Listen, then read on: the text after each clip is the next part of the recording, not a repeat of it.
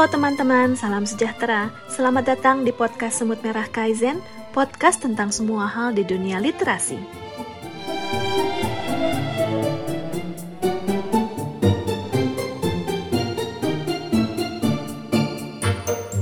Halo semuanya, selamat datang kembali di kanal Semut Merah Kaizen. Balik lagi sama aku, Rara, tapi episode kali ini akan berbeda dari segmen ulasan aku sebelumnya. Agak mirip-mirip sama segmen ulasan bulan lalu yang bareng Kak Kino, kali ini aku akan mengulas sebuah novel barengan dengan klub buku Semut Merah Kaizen. Jujur aja aku belum baca buku ini, tapi dari ulasan anak-anak klub buku, this is one must read book. Penasaran? Yuk kita kulik lebih lanjut buku rahasia Salinem yang terlahir dari kolaborasi Brilian Yotenega dan Wisnu Suryani.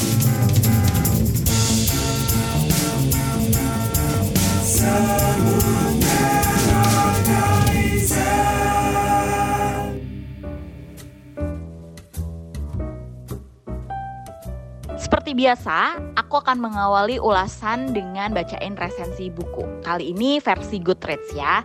Jadi untuk ulasan kali ini kayaknya sih agak minim spoiler nih ya. Jadi aman buat teman-teman yang nggak suka dapat bocoran. Tapi sebenarnya tuh kan kita cari ulasan biar dapat bocorannya nggak sih? Jadi anyway, oke, okay, aku akan mulai dengan kasih uh, resensi bukunya. Jadi sesuai dengan judulnya, novel setebal 390 halaman ini merupakan kisah Salinem yang seorang abdi dalam. Jadi guys, novel ini genrenya adalah historical fiction dan ini mengangkat kehidupan keraton di Jawa. Nah, si Salinem ini adalah perempuan yang mengabdikan hidupnya untuk mengurusi kebutuhan keluarga keraton. Sepanjang hidup Salinem yang merentang hampir satu abad lamanya, yaitu sejak 1923 hingga 2013, yang jadi latar belakang cerita sebenarnya dimulai, ia bergelut dengan serangkaian peristiwa kelam. Namun, barulah saat menjelang kematiannya, misteri hidup Salinem yang sesungguhnya terkuak. Misteri yang tidak hanya menggoyahkan keutuhan sebuah keluarga keturunan bangsawan, tapi juga mengungkap peran penting seorang jelata sebagai baut kecil yang mempertahankan keutuhannya selama hampir 100 tahun.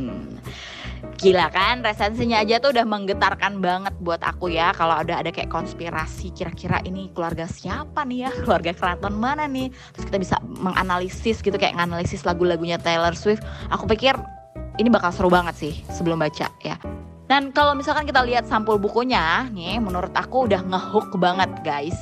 Di situ ada kata-kata perempuan yang melepaskan segalanya demi cinta yang tak biasa, asik. Jadi udah udah ada uh, kode-kode ya, bakal ada mm, drama-drama atau apa ya, yaitu ya yang nggak biasa. Nah, jadi Terus ada kata-kata juga bahwa ini inspired by real story. Nah, aku tuh suka penasaran banget sih sama cerita-cerita yang emang dari kisah nyata karena biasanya lebih kuat narasinya dan lebih gampang relate karena memang itu kejadian gitu. Jadi nggak halu gitu ya. Aku inget ngomongin ini sama teman aku ketika kita ngomentarin Game of Thrones. Jadi itu yang season terakhir itu kan kayak zong banget ya terus dia bilang ya wajar aja sih Ra soalnya bukunya aja nggak ada nah ini ya bukunya aja nggak ada jadi skenario nya zong gitu. Nah kalau ini kisahnya itu nggak ada, pasti bukunya cerita cerpennya walaupun itu fiksi itu pasti akan zong karena kalau terlalu halu tuh kayak kita ih nggak mungkin banget gitu kan ya. Jadi ketika ada kata-kata inspired by real story, aku langsung jiwa penasaran aku muncul gitu. Nah, dan usut punya usut nih dari hasil ngobrol-ngobrol bareng teman-teman di klub buku, ternyata ada kecurigaan kalau Mas Ega alias Brilian Yotenega yang jadi salah satu penulis buku ini adalah Tio guys, tokoh dalam novel ini, tokoh sentral juga nih dalam novel. Dan kisah ini kayaknya sih merupakan kisah keluarganya, menarik banget kan? Dan ini komentar semut selfie yang memang in a way terhubung sama Salino. Yuk kita dengerin.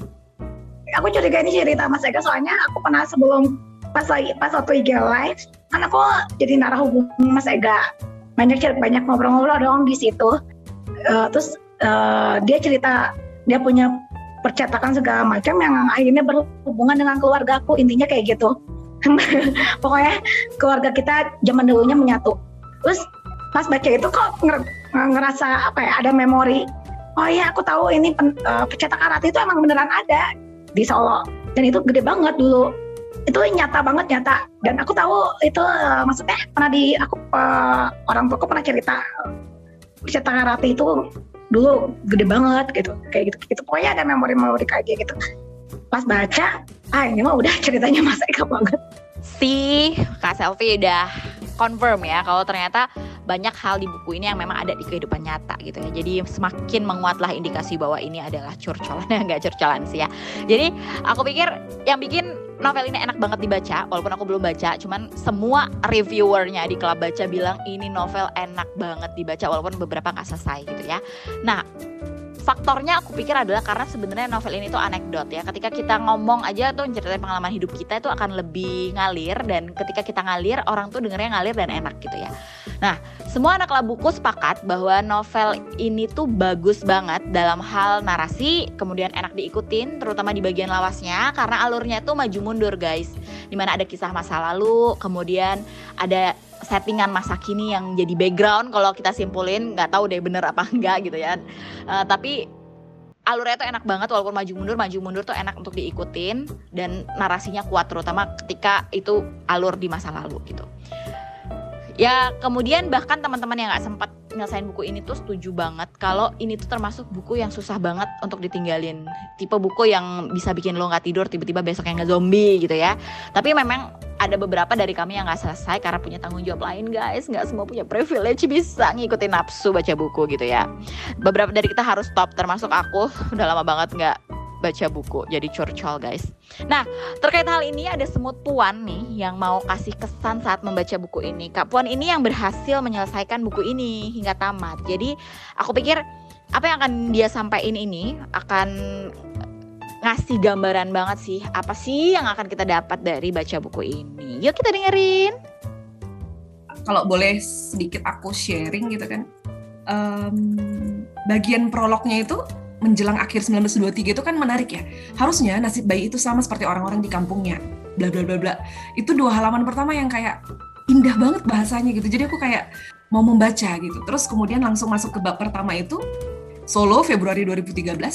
Ini hari keempat. Empat saudara, harusnya lima. Jadi permainan katanya tuh kayak indah, menarik. Itu membuat tuh nggak berhenti baca dan kayaknya nagih gitu. Kalau nggak karena takut sakit gitu ya. Jadi aku sedang berusaha untuk tidur teratur 7 jam gitu. Jadi aku non apa selesaiin ini lanjut lagi paginya sebelum work from home gitu. Jadi itu sih yang pertama aku suka bahasanya.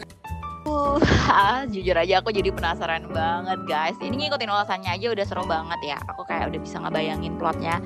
Gimana serunya buku ini Gimana aku bisa masuk ke dalam buku ini. Tapi sayang banget I don't have the privilege gitu. Aku belum bisa spare waktu luang Karena aku tipe yang nggak bisa sih anaknya belum self controlnya masih belum bagus.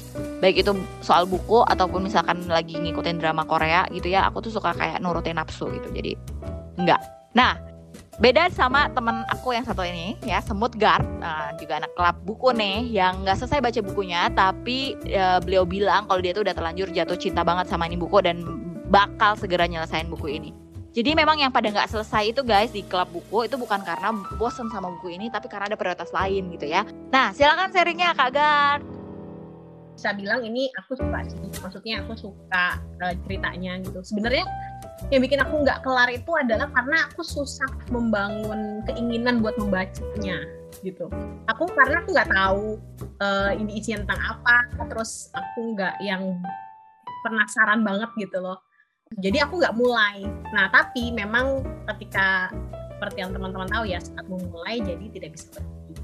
Karena tugas dan segala macam jadi mau nggak mau harus berhenti. Jadi aku nggak bisa baca continuous harian gitu. Nah terus uh, tapi memang kalau dari cara penceritaan ini mengingatkanku sih sama masa-masa aku suka banget baca novel yaitu masa-masa SMP SMA kuliah awal. Nah itu aku suka banget baca. Dan susah dapet novel yang cocok cara berceritanya sama seleraku gitu waktu dulu aku masa-masa itu gitu dan ini salah satu uh, novel yang cara berceritanya tuh pas sama aku gitu Makin penasaran kan guys? Nah, untuk nambah rasa penasaran kita lagi nih ya, ada semut Willis yang juga makin ngeracun karena meskipun Doi juga nggak selesai bacanya, tapi menurut Mbak Willis, buku ini tuh keren banget settingnya. Ini sedikit kesannya Kak Willis terhadap buku ini aku suka banget sama uh, setting waktunya, setting tempatnya, gaya berceritanya, pilihan-pilihan katanya.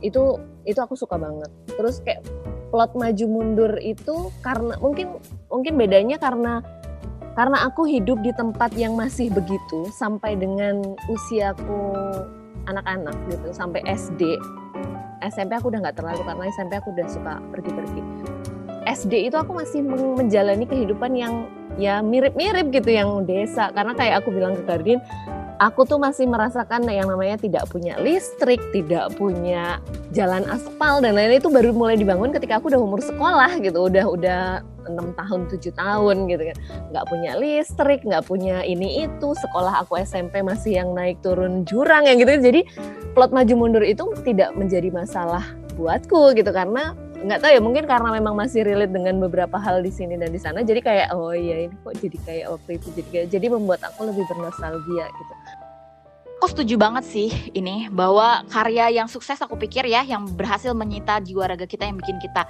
mau meninggalkan segala tugas tanggung jawab itu memang biasanya karya-karya yang bisa kita relate atau bisa menghadirkan nostalgia gitu ya kayak yang dibilang oleh uh, Semut Willis tadi. Nah aku jadi nggak sabar banget nih untuk punya waktu luang untuk baca buku ini guys.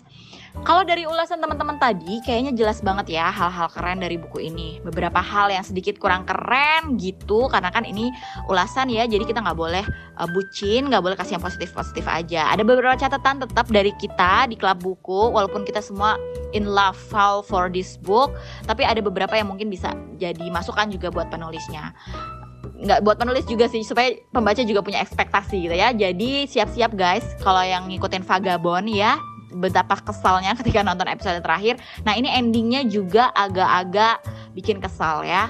Uh, beberapa dari kita nganggep bahwa ini kurang kurang jelas aja sih ini apa sih gitu dan masih gantung seolah-olah ini akan ada sequelnya ya mudah-mudahan akan ada sequelnya tapi kalau menurut Semut Andin ending yang kayak gini nih wajar banget sih karena secara umum overall buku ini tuh udah keren banget ngasih kisah yang luar biasa dan ending yang gantung kayak gini ya sah-sah aja sih karena memang udah kisahnya epic. Kalau misalkan dia happy ending pun agak awkward gitu akan ngerusak tone secara keseluruhan buku ini yang memang nggak nggak happy happy banget gitu ya. Jadi emosinya itu bukan memang emosi yang happy gitu di buku ini.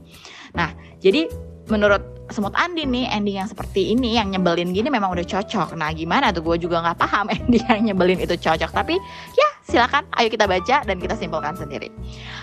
Oke, okay, so final verdictnya buat kamu yang cari bacaan untuk misi waktu luang ini recommended banget. Dan good newsnya buku ini bisa didapatkan gratis guys. Sok mangga jadi ya. Yang pengen baca buku ini silahkan di Google banyak banget yang kasih link downloadnya. Buat kamu yang masih punya banyak waktu, punya waktu luang yang lumayan gitu ya untuk bisa sekali sehari dua hari digunakan untuk pakai baca buku ini silakan banget. I think you will be ya you will be entertained lah oleh buku ini ya. Nah, sementara yang kayak aku nih yang masih punya banyak komitmen, mari kita berdoa bersama agar segera punya keluangan waktu. Atau boleh juga intip tipis-tipis ala Kak Gar dan Kak Willis, tapi jangan sampai keterusan ya. Nah, oke okay, itu aja dari kami Semut Merah Kaizen untuk kamu yang lagi bingung mau baca buku bagus apa di pekan ini. Selamat berakhir pekan.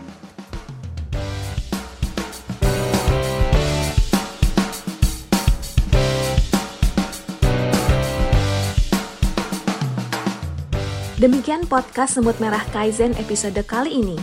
Sampai jumpa di episode berikutnya. Karena semua orang bisa menulis dan semua penulis butuh komunitas. Salam literasi.